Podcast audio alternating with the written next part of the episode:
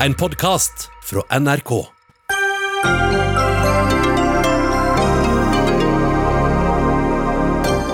Vi er nødt til å bremse for å beholde kontroll, sier helseminister Bent Høie etter nye innstramninger.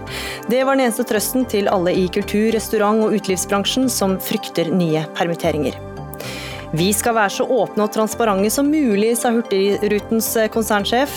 Nå ser det ut til at strategien er taushet og uærlighet, mener kommentator som kaller det hele en farse. USA forbyr de kinesiske appene WeChat og TikTok men ingen grunn til å frykte Kina her i Norge, hevder NUPI-forsker. Og Arbeiderpartiet vil ha gratis SFO for alle førsteklassinger. Ja, Da må de bruke monopolpenger, svarer Høyre, som etterlyser svar på hvor partiet har tenkt å ta pengene fra.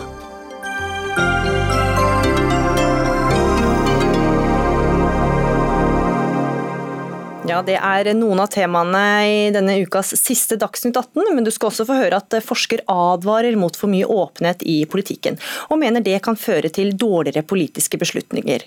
Mens politisk kommentator svarer at åpenhet er den eneste måten å holde makta ansvarlig på. Det får du høre litt seinere i sendinga. Jeg heter Gry Veiby.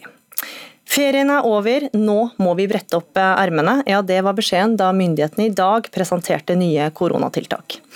Der det ikke er mulighet til å holde én meters avstand, anbefales munnbind. Det oppfordres til hjemmekontor eller å forskyve arbeidstida der det går. Alkoholservering etter midnatt stenges over hele landet, og det vil ikke åpnes for breddeidrett for voksne fra 1.9. Vi skal snakke mer om skjenkestoppen og hjemmekontor, men Bent Høie, i dag kom altså de nye retningslinjene, som du var her i går. og eh, Vi prøvde å få litt mer informasjon ut av deg da, men nå kan du fortelle. altså Sol, sommer og lite smitte gjorde oss avslappa, sa du i dag. Men hvilket ansvar har regjeringen der? Nei, Vi har jo alle et ansvar. Eh, og så var det jo sånn at eh, vi har hele veien sagt at tiltakene må være tilpassa den smittesituasjonen som det var. Det var riktig å åpne opp i sommer, og jeg tror mange av oss òg hadde behov for denne sommeren. Eh, men nå er ferien over, og nå er vi tilbake på jobb igjen. og Det betyr at vi fra regjeringens side sagt at i dag må vi bremse. Eh, for å beholde kontrollen og for å unngå å komme i en situasjon der man må dra i håndbrekket senere. Mm. Gitaristen i De Lillos, Lars Lundevall, sa etter pressekonferansen på Twitter at ja ja, det blir visst Nav-tilværelse resten av året på meg, men istedenfor å skylde på dem som dro til Syden, skal jeg legge skylda på regjeringa. Og tro at folk ikke reiser til Syden så lenge det er lov, er ufattelig naivt. Hva sier du til det, all den tid vi vet at veldig mye av smitten kom fra utlandet? Ja, En del av smitten kommer fra utlandet, eh, og de fleste fra utlandet kommer fra røde land av de som er smitta. Det er jo eh, reiser som vi har vært veldig tydelige på at vi ikke anbefaler. Eh, og så er det jo sånn at Vi vet at når vi åpner opp samfunnet eh, gradvis, så vil det òg bli økt smitte. Det som jo er nytt nå, det er at vi både ser at Omfanget av lokale smitteutbrudd er blitt stort, men vi ser òg ikke minst hva som skjer i andre land. Og det er jo sånn at Denne situasjonen er jo ikke en situasjon som noen har vært i før. Så det er ikke sånn at vi på forhånd har en fasit, og så kan vi si at sånn og sånn blir det. Vi har hele veien sagt at f.eks. det å øke antallet eh, gjester i forbindelse med en konsert, som jeg vil tro han er opptatt av, handler om smittesituasjonen. Eh, og det er klart at eh, Jeg forstår at han gjerne heller skulle hatt landegrensene stengt og så fått hatt en konsert. Men eh, konsekvensen av at landegrensen er stengt når smittesituasjonen tilsier at vi kunne åpne, ville jo vært dramatisk for veldig veldig mange mennesker. Og mange andre hadde kommet på Nav. Men i vårt arbeid her så prioriterer vi veldig tydelig. Vi ønsker å holde kontrollen for at barn og unge skal kunne gå på skolen, drive idrett, og for å ta vare på flest mulig arbeidsplasser. Men sett nå i ettertid, Var det smart å åpne opp grensene? Ja, det var riktig å gjøre det, fordi smittesituasjonen både i Norge, men også i de landene som åpna til, tilsier at vi kunne gjøre det. Og Norge har, og hadde, de, noen av de strengeste reglene for hvilke land vi åpner opp for å reise til. Så Norge og Finland er veldig strenge sammenlignet med resten av Europa med våre kriterier. Men allikevel så er det jo sånn at de fleste land i Europa har høyere smitte enn det vi har i Norge. sånn en reise i seg selv innebærer en risiko for smitte. Og Derfor strammer vi litt inn på det òg i dag og sier at nå sier vi at eh, alle nordmenn bør unngå unødvendige reiser til utlandet, uansett om landet er grønt eller rødt. Og så Ved alle innstramninger så folk, eller frykter de flere permitteringer, bl.a. kulturbransjen, som eh, hadde håpa på å samle inntil 500, men nå må de bare samle 200 i høst. Betyr denne beskjeden at dere nå jobber med nye hjelpepakker? Ja, det er jo sånn at Vi har jo, en, har jo kompensasjonsordninger for faste utgifter som også gjelder ut august. Så I utgangspunktet er det jo de som, som gjelder. Så må jo alt dette også selvfølgelig vurderes underveis. Men det er det som gjelder som er, er situasjonen. Så er det jo sånn at De tiltakene vi har, Eh, minst én meters avstand. Eh, det at en har begrensninger på antall. Eh, det at vi har skjenking kun ved bordene f.eks. Alle næringer stort sett i Norge er berørt av dette. så Det betyr at selv om mange har åpna, og noen tjener heldigvis penger, så tjener de likevel mindre penger enn før. Eh, nettopp fordi at eh, det er konsekvenser av disse tiltakene i samfunnet. Line Wold fra Folkehelseinstituttet sa i dag at en av grunnene til at vi må bremse nå, er at kommunene bygger opp beredskap. Men hva slags type beredskap er det som bygges opp? Ja, det er jo fortsatt nå å bygge opp beredskapen bl.a. knytta til det med å håndtere lokale smitteutbrudd. Og Det er jo sånn at det ble gjort en kjempegod jobb i kommunene før sommeren for å bygge opp beredskap.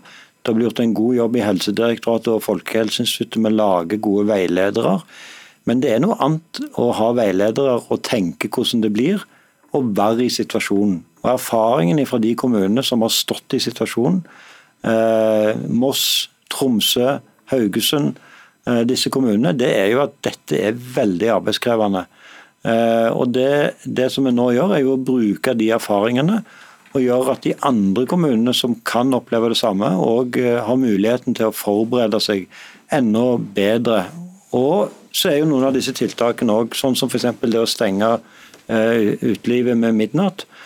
Det eh, handler jo både om å redusere smittespredningen. Fra i morgen så blir mm. Eh, det handler jo både om å redusere smittespredningen, men det handler jo òg om å unngå noen av de mest krevende smittesporingssituasjonene som vil kreve ekstremt mye arbeid for kommunene som sitter med det ansvaret. Mm. Eh, nå har vi fått inn flere gjester. Raymond Johansen og Nina Melsom, direktør for arbeidslivet i NHO. Eh, nå snakker vi akkurat om eh, denne skjenkestoppen, og Virke er skuffa over at det blir skjenkestopp etter midnatt. Hva tenker dere om det? Nei, generelt så tenker vi at eh, det er viktig å ivareta smittevernhensyn. Eh, samtidig så er det jo ikke tvil om at dette er tiltak som vil treffe reise- og utelivsnæringen veldig hardt. Og dette er jo næringer som eh, allerede sliter. Det, og dette er jo også næringer som har jobbet veldig godt med å få opp gode bransjestandarder, nettopp for å ivareta smittevern. Eh, og Det de stiller også spørsmål om, det er jo er det bedre at man på en måte flytter festene eh, inn i eh, uorganiserte former fremfor organiserte former. Så eh, Det som uansett her er viktig, er jo at man da, som Bent Høie var inne på, at man har gode kompenserende tiltak som avhjelper for den situasjonen vi mm. står i. Mm.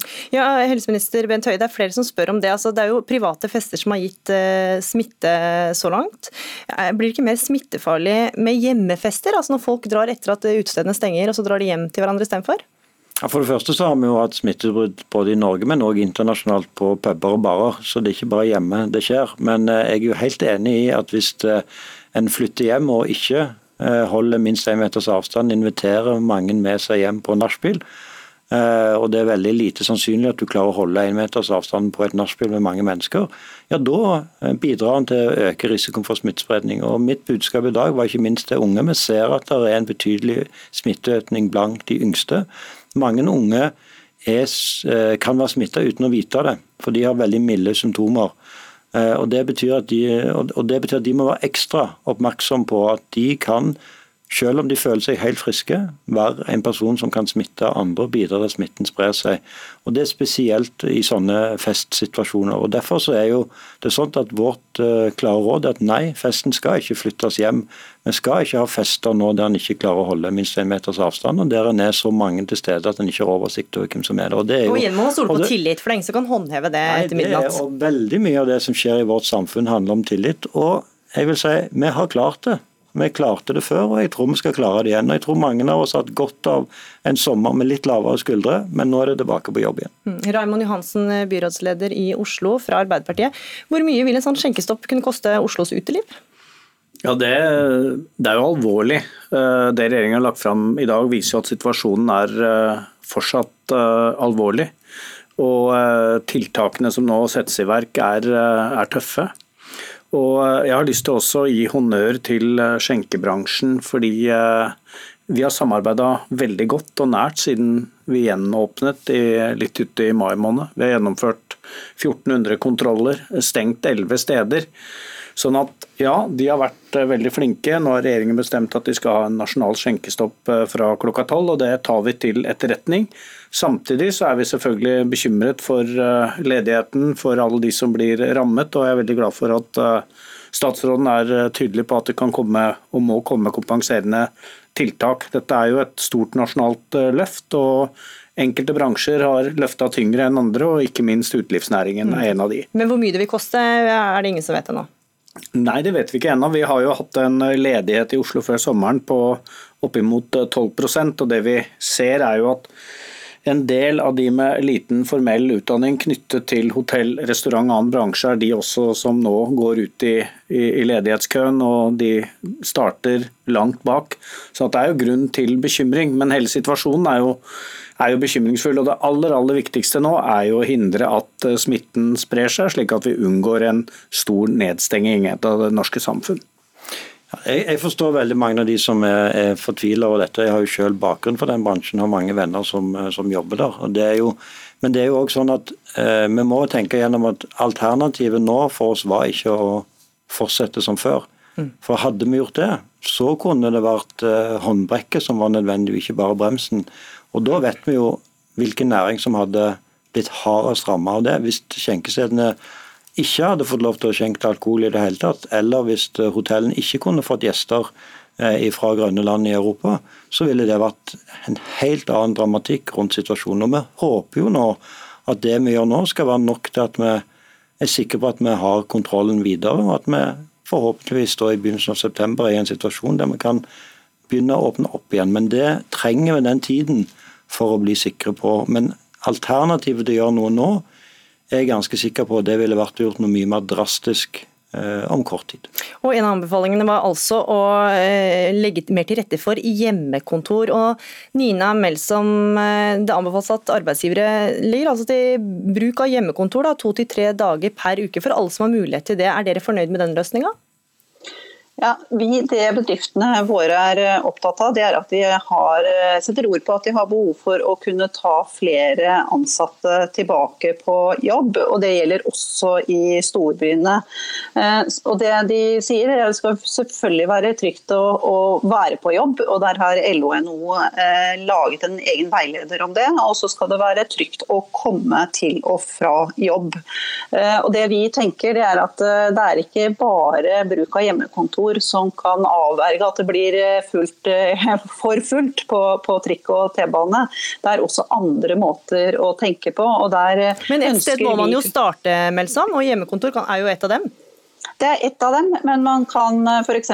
veksle mellom å være på kontor og være hjemme. Eh, dele dager. Man kan tenke at man har annenhver dag på kontor. Man kan også bruke dette til en vinn-vinn-situasjon. For eh, vi ønsker jo grønnere byer, og det å få oppmuntre flere til å gå, sykle til jobb eller samkjøre. Fordi det er jo sånn at vi mennesker fort, fort endrer vaner. Og hvis det blir sånn at vi oppmuntres til å ikke bruke kollektivtransport, så tror jeg ikke det heller er noen god løsning. Så Derfor så har vi fra, fra NHOs side sammen med de andre arbeidsgiverorganisasjonene gått sammen og sagt at vi vil lage veileder sånn at vi oppmuntrer bedriftene til å lage arbeidsreiseplaner som gjør igjen at vi belaster kollektivtransporten med mindre enn 50 i rushtiden. Mm. Raymond Johansen, hvordan skal dette løses i Oslo? Kan man stole at bedriftene tenker helhetlig og ikke bare på seg sjøl, men når de vil ha tilbake folk?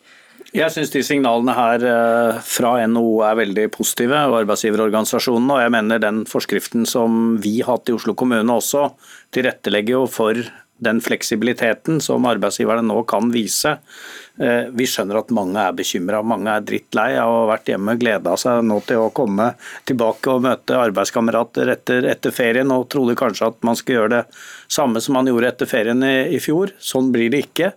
Og eh, Da er det jo mulig at man nå kan eh, lage timelister, lage arbeidsrutiner sånn å gjøre at man veksler på å være på jobb. For det er jo særlig trengsel på kollektivtrafikken som er krevende. Nå er det er 150 000 som pendler inn til Oslo hver dag. 50% av alle arbeidsreisende i Oslo er med kollektiv. Allerede nå ser vi at kapasiteten er sprengt, og vi er vel det gule lyset på kollektivtrafikken nå. Det betyr at man kan sitte skulder til skulder, men eh, at man må vise hensyn. Og vi er veldig tydelige på å anbefale at de som må ta kollektivtrafikk, de skal gjøre det, men helst ikke å finne andre måter å komme på jobb. Og Jeg ser fram til et nært samarbeid med med partene i arbeidslivet for hvordan man skal kunne greie å få dette til på en fleksibel og god måte. Ja, men som til Aftenposten tidligere så sa dere at bedriftene må få lov til snart å ønske de ansatte tilbake til kontorene, og det gjør de for så vidt nå. Men hva vil du si til alle dem som sier at de er mer effektive på hjemmekontor? Spør du meg, eh, ja, eh, Det er klart at dette bidrar. Det, er ulike si, erfaringer med bruk av hjemmekontor. og Noen ansatte er veldig fornøyd med å jobbe hjemmefra.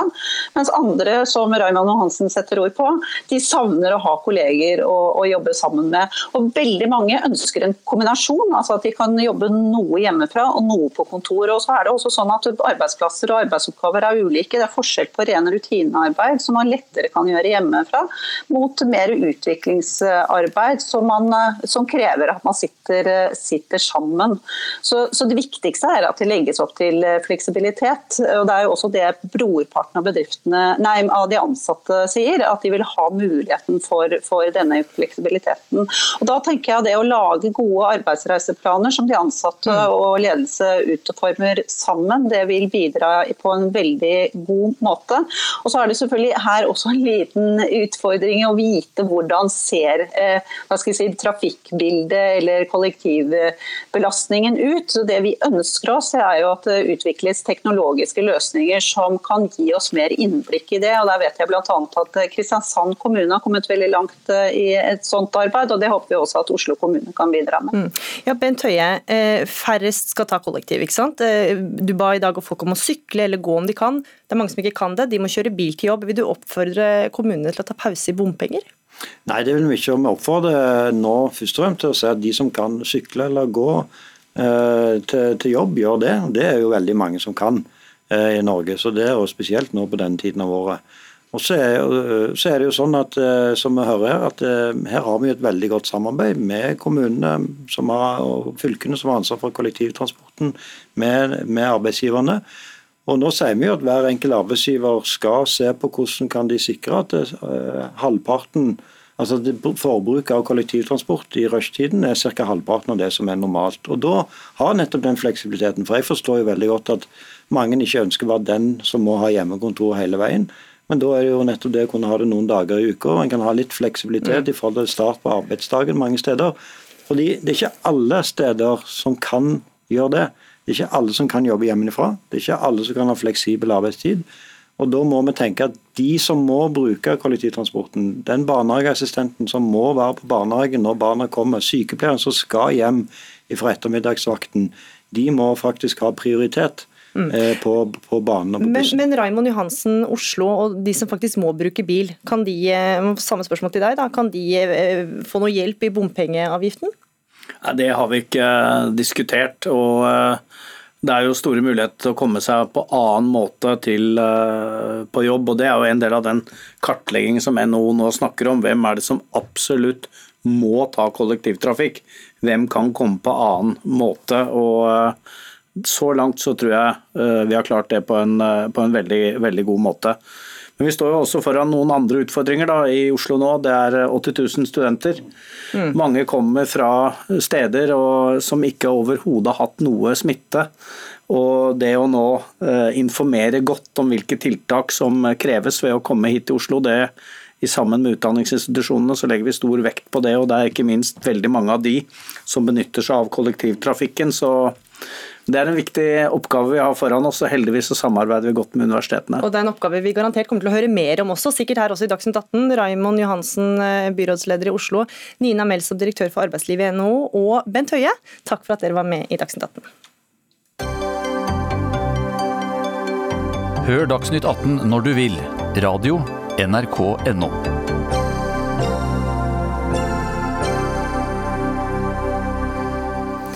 Vi skal være åpne og grenseløst ærlige om det som har skjedd. Vi skal være så transparent som mulig. sa Hurtigrutens konsernsjef Daniel Skjeldam på mandag, for deretter å takke nei til Dagsnytt 18 hele resten av uka. For hadde Skjeldam vært her, kunne vi spurt ham om hvorfor Hurtigrutens ledelse siden har gjort seg utilgjengelige, hvorfor de har gitt ansatte munnkurv, eller hvorfor driftsdirektøren må gå midlertidig når Skjeldam sier han tar alt ansvar. Og ikke minst hva han sier til at flere mener ledelsen sender skylda nedover i systemet, og både fagforeninger og ansatte frykter masseoppsigelser. En tragikomisk farse, kaller du det hele, Joakim Lund. Du er kommentator i Aftenposten. Hva mener du er likheten mellom Hurtigrutens håndtering av dette her, og en farse? Altså, Hurtigruten har jo gjort eh, alt galt helt fra begynnelsen. Det begynner med at de tar om bord eh, en masse filippinske eh, sjøfolk som eh, ikke må i karantene før de begynner å jobbe. Eh, og de har dårlig smittehåndtering, det har jo Sheldam selv sagt. Og så har du det som skjer da når smitte blir avdekket. At de gjør en avtale med Folkehelseinstituttet om å varsle passasjerene, men bryter avtalen venter i flere dager og lar folk gå i land og spre potensielt da smitten utover hele landet. Så Det er liksom den ene delen av det. Og så er det kommunikasjonshåndteringen av det som er eh, neste ledd. og Det har også vært helt fullstendig ubegripelig hva de holder på med. Hva er det som er så ubegripelig, da? Det er jo eh, at de på den ene siden, eh, som du var inne på, sier at nå skal vi være grenseløst ærlige, vi skal være så åpne og transparente vi bare kan. Eh, men det holder ikke bare å si det. Når man i tillegg gjør seg utilgjengelig. Vi vet at kommunikasjonsavdelingen i Hurtigruten ville holde det hemmelig da det første smittetilfellet ble avdekket. De ansatte har fått munnkurv osv. Så, så eh, Så kommunikasjonsarbeid der er eh, det minner om en episode av eh, Hotell i særklasse, for de som husker den. At ting etter ting går galt. Det blir stein på stein til byrden. Og så prøver man å opprettholde en fasade ved å, å bare si at alt er fint. Og Når da styret i tillegg sier at vi har full tillit til ledelsen, så er det jo en viss komikk i det, selv om rammefortellingen her er ganske tragisk. Da. For avstanden mellom det folk oppfatter og det som virkelig skjer, er så enormt stor. Frøy Gudbrandsen, du er politisk redaktør i Bergens Tidende og er med oss fra hurtigrutebyen Bergen. Dette er en kjempeskandale, har, har du også sagt. Men eh, denne uh, Hurtigrutens måte å møte dette på, altså hva oppnår de med å holde så lav profil? Eh, nei, jeg tror ikke de oppnår sånn veldig mye positivt egentlig med det. Eh, men man kan jo forstå det, at det er fristende å eh, hva skal man si, gjemme seg litt bort, bruke tid internt når de er i så total kollaps som de åpenbart er nå. Eh, så dette, jeg tror nok dette er mer en, eh, si, et resultat av den komplette krisen, enn at det er egentlig en veldig gunstig strategi. Da. Men jeg vil jo si at altså det, det verste her i denne saken, det er jo ikke kommunikasjonsstrategien eller mediestrategien. det er jo smitte. Altså at Hurtigruten har bidratt til at så veldig mange mennesker på kort tid har blitt uh, eh, smitta. Det er jo det som er den virkelig store skandalen. Uh, og uh, kommunikasjonsproblemene etter hvert er jo, hva skal man si uh, toppen av kransekaka, eller hva man skal kalle det. Mm. For Dette er jo ikke et hvilket som helst, som helst selskap. det er jo, Hurtigruten har jo en spesiell posisjon i norske folks bevissthet også? Ja, absolutt. Og har en, folk har jo en tillit til, eh, til, Hurtigruten som eh, de fleste bedrifter kan eh, drømme om, egentlig.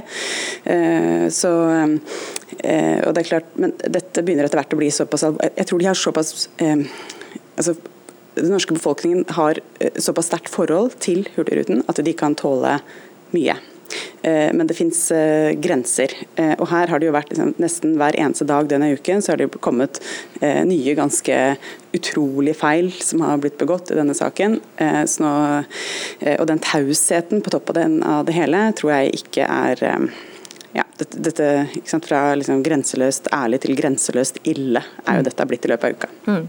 Lund, eh, styreleder Trygve Hegnar, som også hele uka har takka eh, nei til våre invitasjoner, har erklært full tillit til eh, ledelsen. Hva er, tror du er grunnen til at konsernsjef Daniel Skjeldam har fått beholde jobben?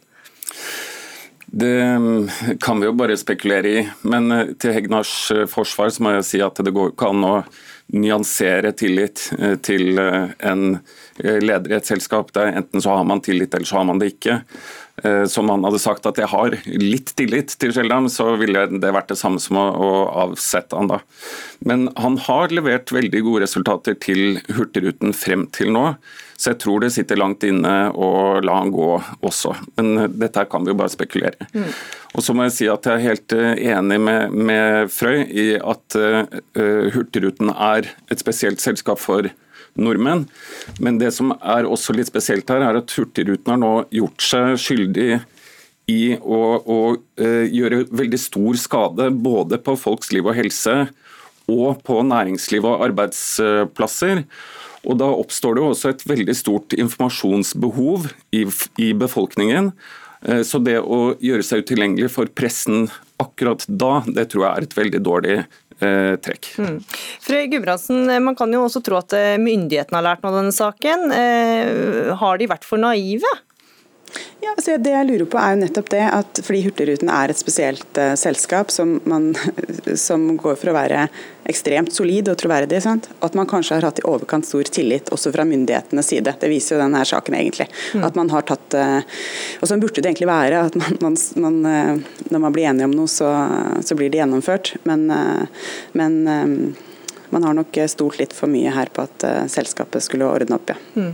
Og Denne saken blir det også garantert eh, mer om. Vi kommer fortsatt til å spørre Hurtigruten om de vil være med i Dagsnytt 18.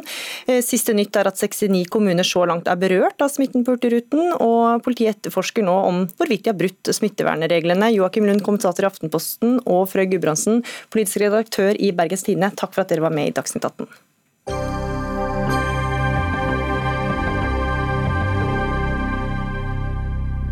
Er det monopolpenger som skal betale Arbeid Arbeiderpartiets løfte om gratis skolefritidsordning, spør Høyre litt seinere i sendinga. I natt skrev USAs president Donald Trump under på to presidentordre som skal forby videodelingsappene TikTok og WeChat, som brukes av over én milliard brukere. Begge tjenestene er populære apper der brukere kan dele korte videoer med sangmiming og dans, og selskapene bak er kinesiske. Ordrene, som begrunnes i hensynet til USAs nasjonale sikkerhet, trer etter planen i kraft etter, om 45 dager. Og Martin Gundersen, teknologijournalist i NRK Beta. Hvorfor skjer dette? Ja, altså Det går tilbake i tid hvor man ser at amerikanske politikere lenge har snakket om bekymringer for kinesiske selskaper.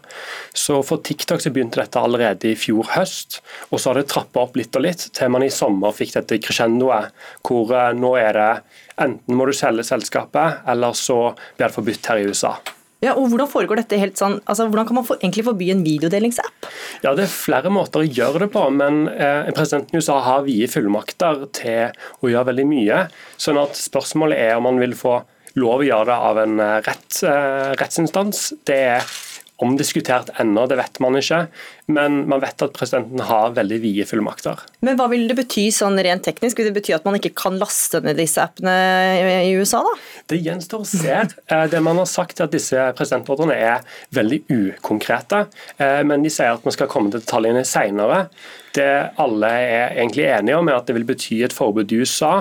Og så kan det bety et forbud i eh, Europa og Norge med at man forbyr å ha appene i AppStore mm. for Apple-telefoner og Android-telefoner. Og Det er også så smått begynt å få litt konsekvenser her i Norge. Hvordan da?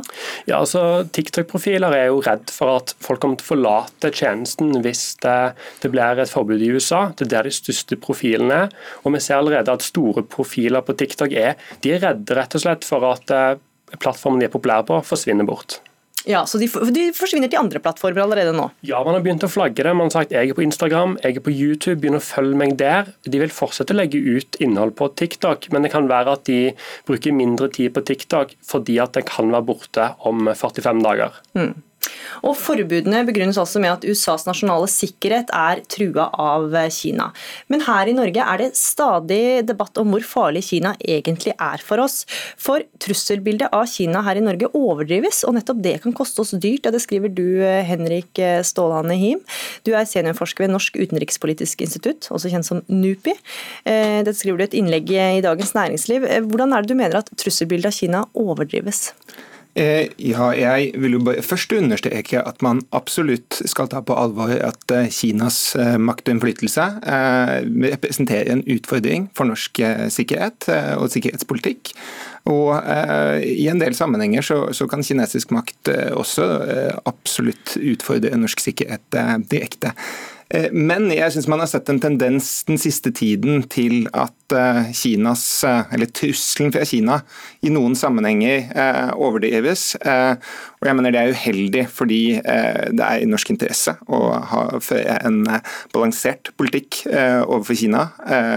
Utenriksminister Ine Riksen Søreide pekte i sin tale på Kina nettopp på behovet for en, en balanse, en balansert tilnærming. Det var en veldig god tale. Eh, men eh, hvis man overdriver til Russland fra Kina, så eh, kan den balansen fort forrykkes. Mm. Men Hvilke eksempler har du på at det overdrives? Det er flere. Jeg peker på, på noen av dem i, i kronikken.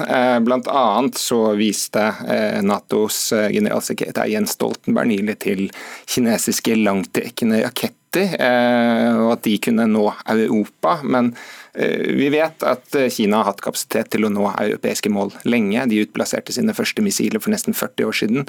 Og at disse missilene som Kina utvikler som er nye nå, de er i all hovedsak rettet inn mot eh, altså det å kunne trenge gjennom og forsvare seg mot amerikansk missilforsvar. Det er ikke, USA, nei, ikke mm. Europa unnskyld, som er hovedmålet for disse missilene.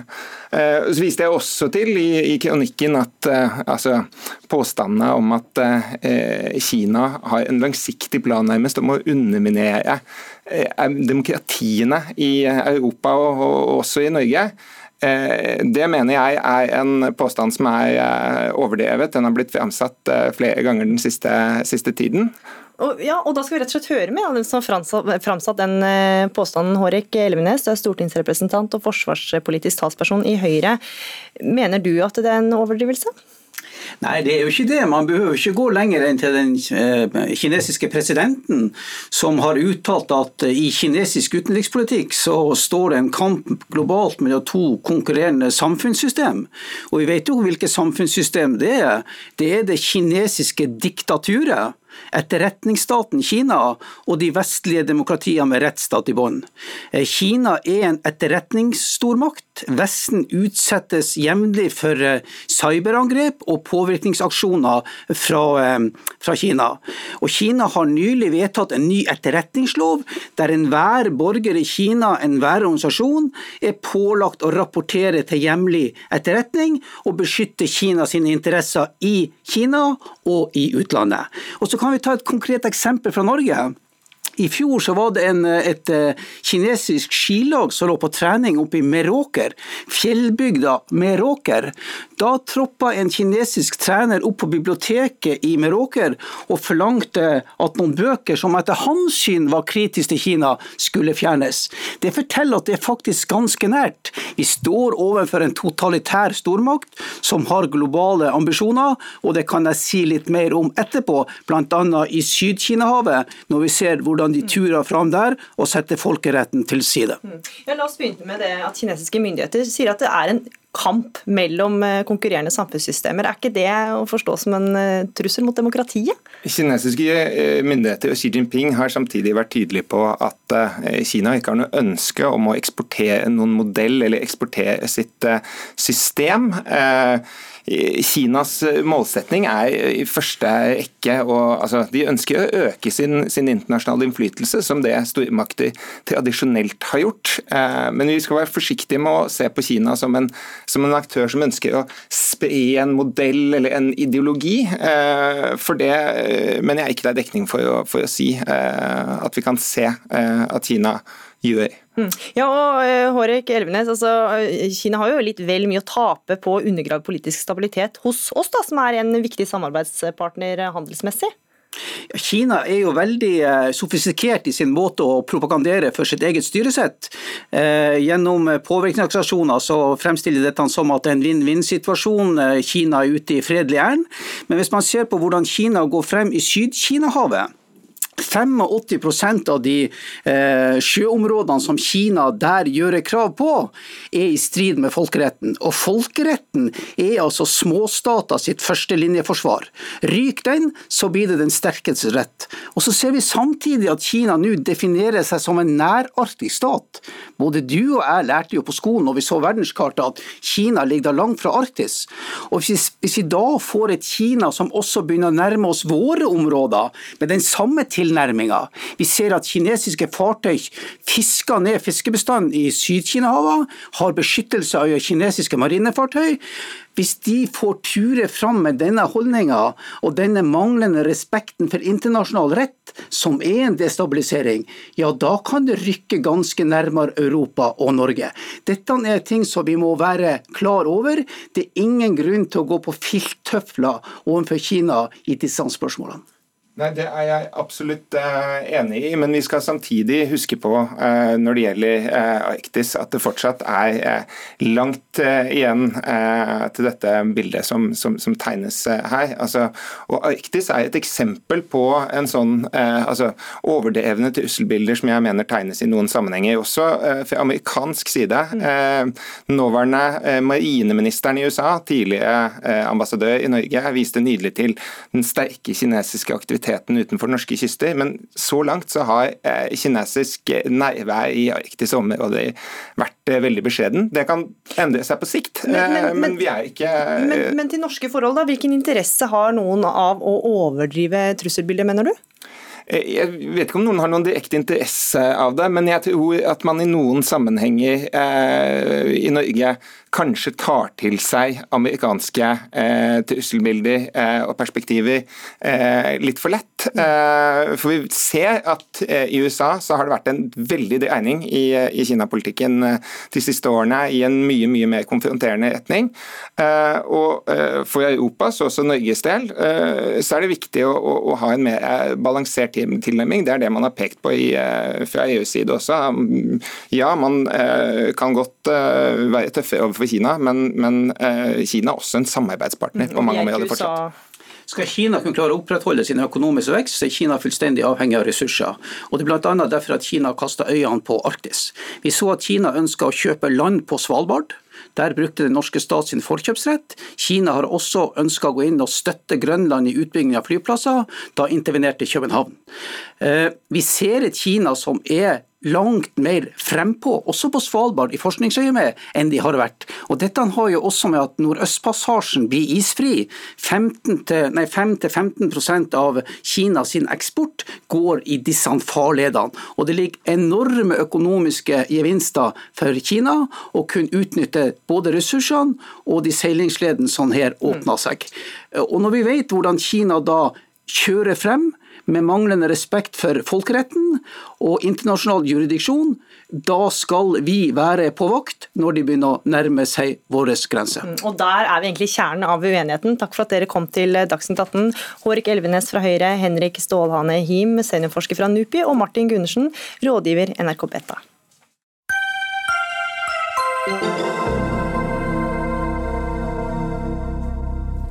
154 er drept og 300 000 libanesere er blitt hjemløse etter tirsdagens enorme eksplosjon i Beiruts havn. Og I ettermiddag eh, snakker generalsekretær for Hizbollah for første gang om eksplosjonen. og Sissel Wold, korrespondent eh, i Beirut, hva sier han? Ja, Hassan Nasrallah er jo leder for denne iranskstøttede militsen i eh, Libanon. Og Det som var interessant, var at han for en gangs skyld ikke hadde Hizbollah-flagget i bakgrunnen når han snakket.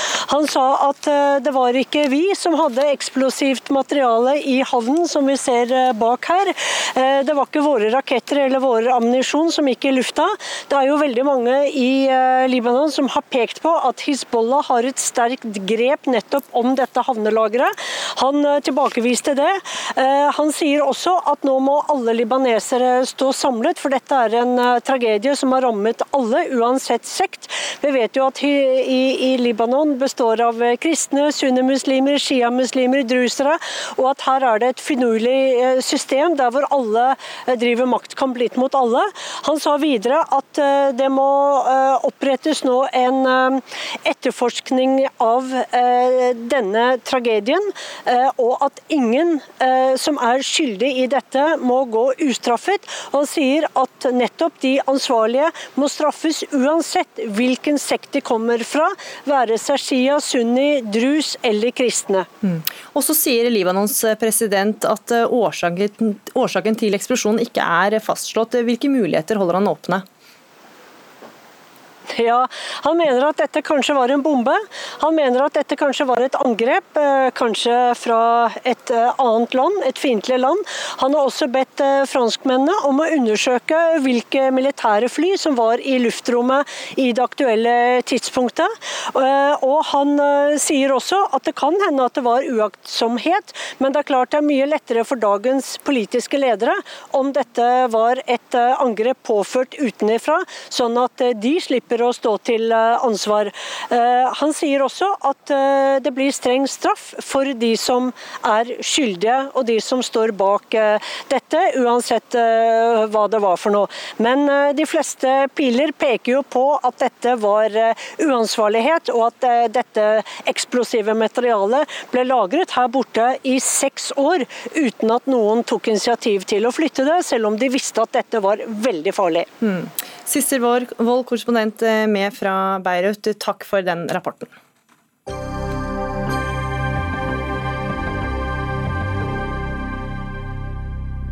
Du en av dem som har barn på skolefritidsordninga, da vet du kanskje at det koster alt fra noen hundrelapper til over flere tusen kroner i måneden.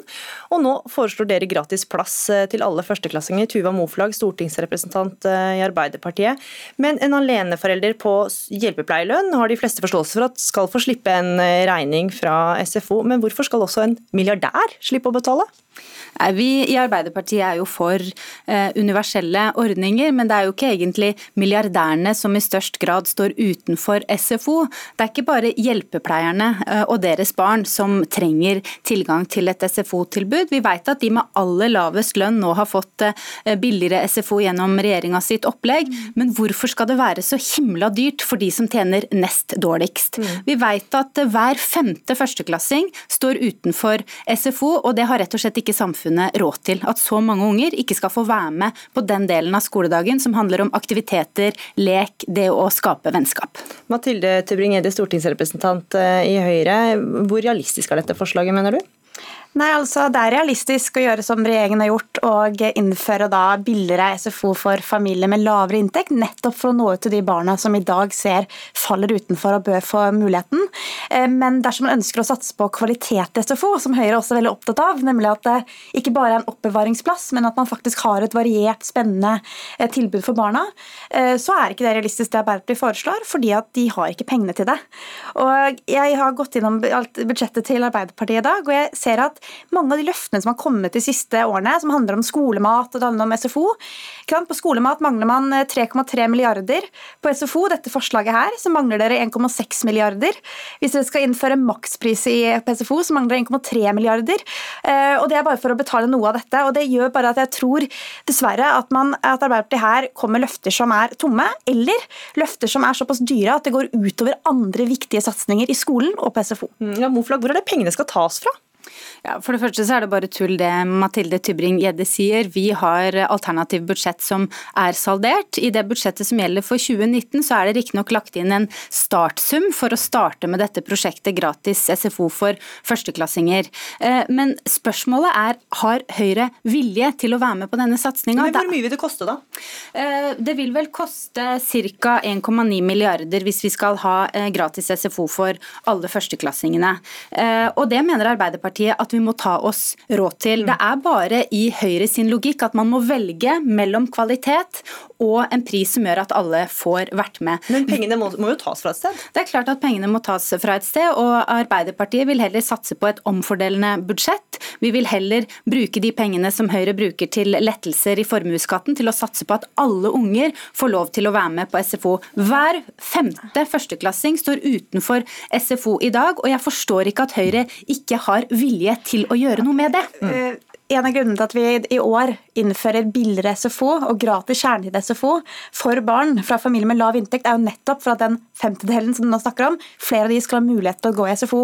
Men her må jeg si at jeg er litt overrasket over Arbeiderpartiet. fordi at det er klart at løfter om skolemat, hvor man ikke har, ikke har finansiert 3,3 milliarder, eh, og løfter om SFO hvor man, ikke har 1, man mangler 1,6 milliarder, altså det høres som veldig store tall, og det er det faktisk, eh, i et budsjett hvor man faktisk øker skattene ganske kraftig, som Arbeiderpartiet gjør i sitt alternativ, det går ikke opp. og Da, da står man på en måte mellom to valg. Da. Enten så er det et tomt løfte som man ikke kommer til å oppfylle, slik eh, velgerne i Trondheim har erfart med dette løftet her. Eh, eller så er det da et løfte som kommer til å være kanskje eneste man har mulighet til å satse på de neste årene. Og Det mener jeg er uheldig, fordi vi har så mange andre utfordringer i skolen vi også bør løse. Vi trenger flere gode lærere, vi trenger oppfølging av elever som sliter med lesing, skriving og regning. Og vi trenger også et bedre tilbud på SFO, slik at det ikke bare er oppbevaring. Og Det er det som er utfordringen med Arbeiderpartiet i skolepolitikken. At nå har man konsekvent valgt å prioritere eh, saker som på en måte egentlig høres veldig bra ut, men som man ikke har pengene til, eller må kutte i andre tiltak for å oppnå. Det er helt riktig at det er bra saker, og derfor så forstår jeg ikke hvorfor Høyre ikke vil være med på dem. Høyre, Høyre sier unnskyld, De sier Høyre, at de er med på dem, men de vet ikke hvor de får pengene Nei, fra? de sier at de ikke vil være med på det. De sier at de vil prioritere kvalitet i SFO. Det gjør også Arbeiderpartiet. Nei, problemet, problemet ved å si at vi skal satse på kvalitet i SFO uten å sørge for at ikke alle får vært med, er at forskjellene blir enda større. Det er jo enda verre å stå utafor hvis kvaliteten i SFO blir bedre. Men har dere penger til å både satse på kvalitet og fulltids-SFO? Det har vi. Vi har sagt at vi, vi, har sagt at vi ønsker å eh, gå over til en SFO med mer innhold. Egentlig ganske i tråd med det Høyre sier. Mer aktiviteter, kulturskole, leksehjelp osv. Men jo bedre vi gjør SFO, jo viktigere er det at ikke unger blir stående okay, utafor. jeg, jeg, si jeg, jeg prøver faktisk helt oppriktig å forstå hvor Arbeiderpartiet får regnestykket sitt fra. For det er nettopp her virker det som man egentlig spiller med monopolpenger. Fordi det sier dere, I budsjettet så mangler det 6 milliarder kroner til ulike løfter på skolemat og SFO. Og da er mitt spørsmål, Hvor skal de 6 milliardene hente fra? Skal dere da øke skattene enda mer enn dere foreslår? Eh, Eller er alternativet at dere må kutte i andre ordninger, eller ikke prioritere har- kunnskap i skolen? Jeg har allerede svart på det. At Mm. Arbeiderpartiet vil heller satse på disse satsingene for barn og unge enn å kutte i formuesskatten, sånn som det er greit, Høyre gjør. det- har- har allerede Får dere på. tjent nok penger på det til å gjøre det? Det får vi. Vi har levert et budsjett som er i balanse. Men hvis Mathilde Tybring-Gjedde vil snakke om tall fra budsjettet som vi vedtok i fjor, så kan vi godt gjøre det. Tallene sier at SFO-prisen har hatt en galopperende prisvekst sammenligna med prisen for barnehage i de årene som Høyre har sittet i regjering, og andelen barn som deltar i SFO har gått ned siden toppåret i 2013. Okay. Hva vil Høyre gjøre med det? Altså, nå er Den reelle prisen for SFO har gått ned siden 2013, det viser tallene. Men igjen, eh, jo, det viser tallene. Reelle prisene for SFO har gått ned de siste årene. Men så er vi da tilbake på, på, på en måte mitt spørsmål, da, som er eh, hvor henter man de 6 milliarder kronene dere skal ha for skolemat og for SFO? For det er ikke deres alternative budsjett. I budsjettet nå for i år så foreslår dere 250 millioner. 250 millioner til gratis SFO, mens regningen er 1,9 milliarder. Og jeg, grunnen til at jeg spør, er fordi at jeg er opptatt også av satsinger på kvalitet. Jeg er opptatt av satsingen i skolen. Jeg er opptatt av gode lærere som følger opp elevene som sliter. Og jeg er redd for at det Arbeiderpartiet gjør nå, det er å prioritere ned det vi vet er viktigst for elevenes mestring, viktigst for elevenes trivsel. Høyres løsning er egentlig liksom, vi bare sier at vi ønsker å prioritere de, de barna som ikke har mulighet pga. at familien har dårlig råd, og så ønsker vi å bruke resten av pengene på også innhold i SFO og innhold i skolen. Nei, men Det er feil. Det er sånn at eh, Husholdningsinntekten for å komme inn i den ordninga som Høyre har, det er 574 000 kroner. det er en 250 veldig lav millioner kroner dekker jo bare fem timer i, ja, det, i er, uka. det er helt riktig, det har jeg jo allerede svart på. At eh, det er en eh, startsum for å komme i gang. Samtidig så ser vi at det er en del Arbeiderpartistyrte kommuner som nå går foran. Stavanger lanserer nå gratis SFO for alle førsteklassingene, heldagsplass fra og med høsten nå. Kjempebra jobba av Kari Nessa Nordtun og gjengen i Stavanger. Oslo har nå gratis halvtidsplass, alle bydeler i Oslo. Så det er mange Arbeiderpartistyrte kommuner som går foran og er prøver å få det i gang.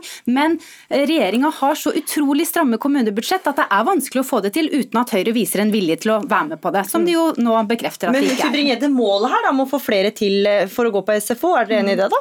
Absolutt, og det er jo derfor vi nå sikrer at barn som kommer fra familier med lavere inntekt får får mulighet til det. I tillegg til at barn som har særskilte behov, får gratis SFO. og Det innføres også fra i år. Eh, men så er jo spørsmålet, ikke sant, hva, når man har hjulpet de, de barna vi vet har det største hinderet for å delta, hva er det man får delta i?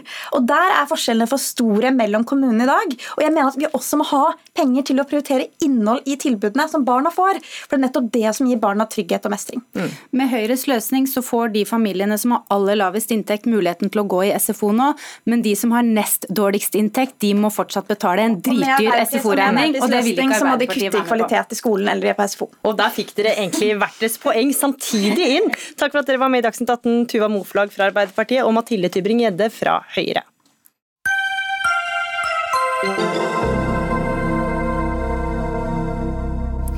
Er åpenhet i politikken alltid til det beste? Ja, Debatten går i en rekke medier etter at du, Espen Leirseth, universitetslektor i statsvitenskap ved Nord universitet i Stavanger, eh, sa i din ferske doktorgradsavhandling eh, konkluderte med at nei, for mye åpenhet kan føre til dårligere politiske beslutninger. og Hva får deg til å ta til orde for mindre åpenhet? Eh, Bakgrunnen for avhandlinga mi er at jeg har sittet i mange politiske møter som eh, journalist, eh, som jeg var før jeg begynte som lektor og stipendiat. Og Da observerte jeg at eh, mange diskusjoner gikk som om vi satt på en teaterscene. Det var en sterk følelse av at mye var diskutert før, før møtet og at politikerne henvender seg til meg som journalist eh, like mye eller mer enn de gjorde til sine politiske kollegaer. Og Det er det som er bakteppet for nysgjerrigheten min for hvordan politikerne har møter, hvordan er det beslutningene i Kommune-Norge tas. Og Det jeg har eh, funnet da, er jo at eh, Norge, eh, norske lokalpolitikere har de mest eh, radikale reglene for åpenhet i, i Norden, og, og, strengere regler for lokalpolitikere enn det er for stortingspolitikere. Og Det tenker jeg er et interessant paradoks som eh, bør diskuteres. Er det slik, eh, er det slik eh, lokalpolitikernes arbeids, arbeidsbetingelser bør være? Hmm. Geid Margrethe Kjellflot, du er politisk kommentator i Bergens Tidende. Leirseths konklusjon om at mindre åpenhet er et gode er feil, skriver du. Hva er galt med konklusjonen? Eh, ja, det er i hvert fall BT skrevet på lederplass. Eh, jeg tenker at åpenhet i samfunnet har eh, en kostnad, helt åpenbart, men den er langt bedre enn å, å formalisere mer hemmelighold eller flere lukka rom. Eh, for det er helt grunnleggende for eh, tilliten til politikerne at eh, alle kan få vite hva, og få se hva de, hva de gjør. Og jeg tror at vi mister, mister masse dersom flere møter blir lukka, sånn som Leirseth foreslår. det. Mm. Eh, altså Vi mister dette med å kunne følge ja. Snakk ferdig, Kjell Flått, så skal du svare for ordet, Leirseth. Vi mister altså muligheten til å, å, følge med på prosessen i politikken. Mm. Eh, og, det er en veldig viktig del. Eh, hvordan politikerne kommer fram til ting, hva avtaler de gjør, eh, hva forhandlinger som foregår. Og muligheten til å følge saker fra et tidlig tidspunkt og, eh, og kunne legge til rette for offentlig debatt. Og så er det òg et tilleggspoeng at hvis vi ikke er til stede i, i, disse møtene, så blir vi mye mer avhengig av kilder. Kilder som har en agenda og kanskje er anonyme. Og det har vært sterkt omdiskutert. og Jeg tror ingen ønsker at politisk journalistikk skal måtte hvile mer på anonyme kilder. Mm. Leirseth?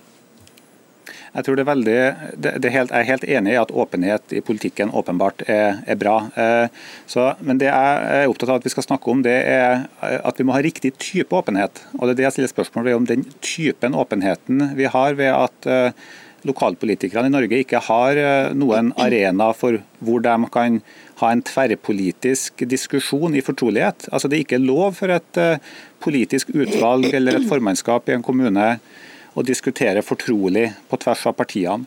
Eh, det fører jo På en måte så er det bra for at, at journalister kan være til stede og følge debatten, men paradokset er jo at det gir ikke nødvendigvis så mye mer åpenhet. fordi at de fortrolige diskusjonene blir jo fortsatt gjort og fortsatt tatt, men de flyttes ifra utvalg og formannskap inn i partiutvalg, inn i de egne partiene sine møter, disse gruppemøtene mm. og partiene sine egne møter. Der har jo ikke pressen eh, anledning å være. Nei, og Kjellflot, om jeg spørre deg, at... Kjellflot, Hvor ansvarlig er egentlig makta hvis ting allikevel foregår på bakrommet, bare innad i partiene?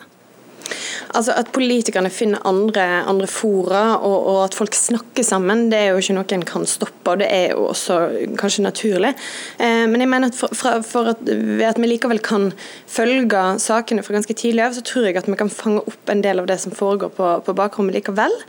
Eh, og så bare stusser jeg på at Hvis en mener at det, det, er et problem, da, at det blir snakka mye på bakrommet, så, så, kan ikke svaret være at en skal institusjonalisere flere sånne lukka forum. Mm. Vi skal ta inn en tredjeperson her. Eh, Signe Bakke Solberg, du er lokalpolitiker. Du sitter i kommunestyret i Bærum og fylkestinget i Viken for Miljøpartiet De Grønne.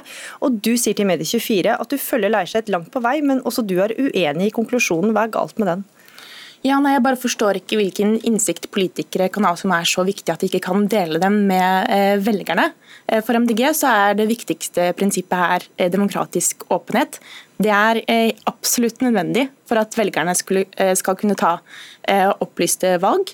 For at de skal kunne følge en sak, stille relevante kritiske spørsmål og eventuelt endre stemmen sin da, hvis de er misfornøyd med det de hører av argumentasjonsrekker.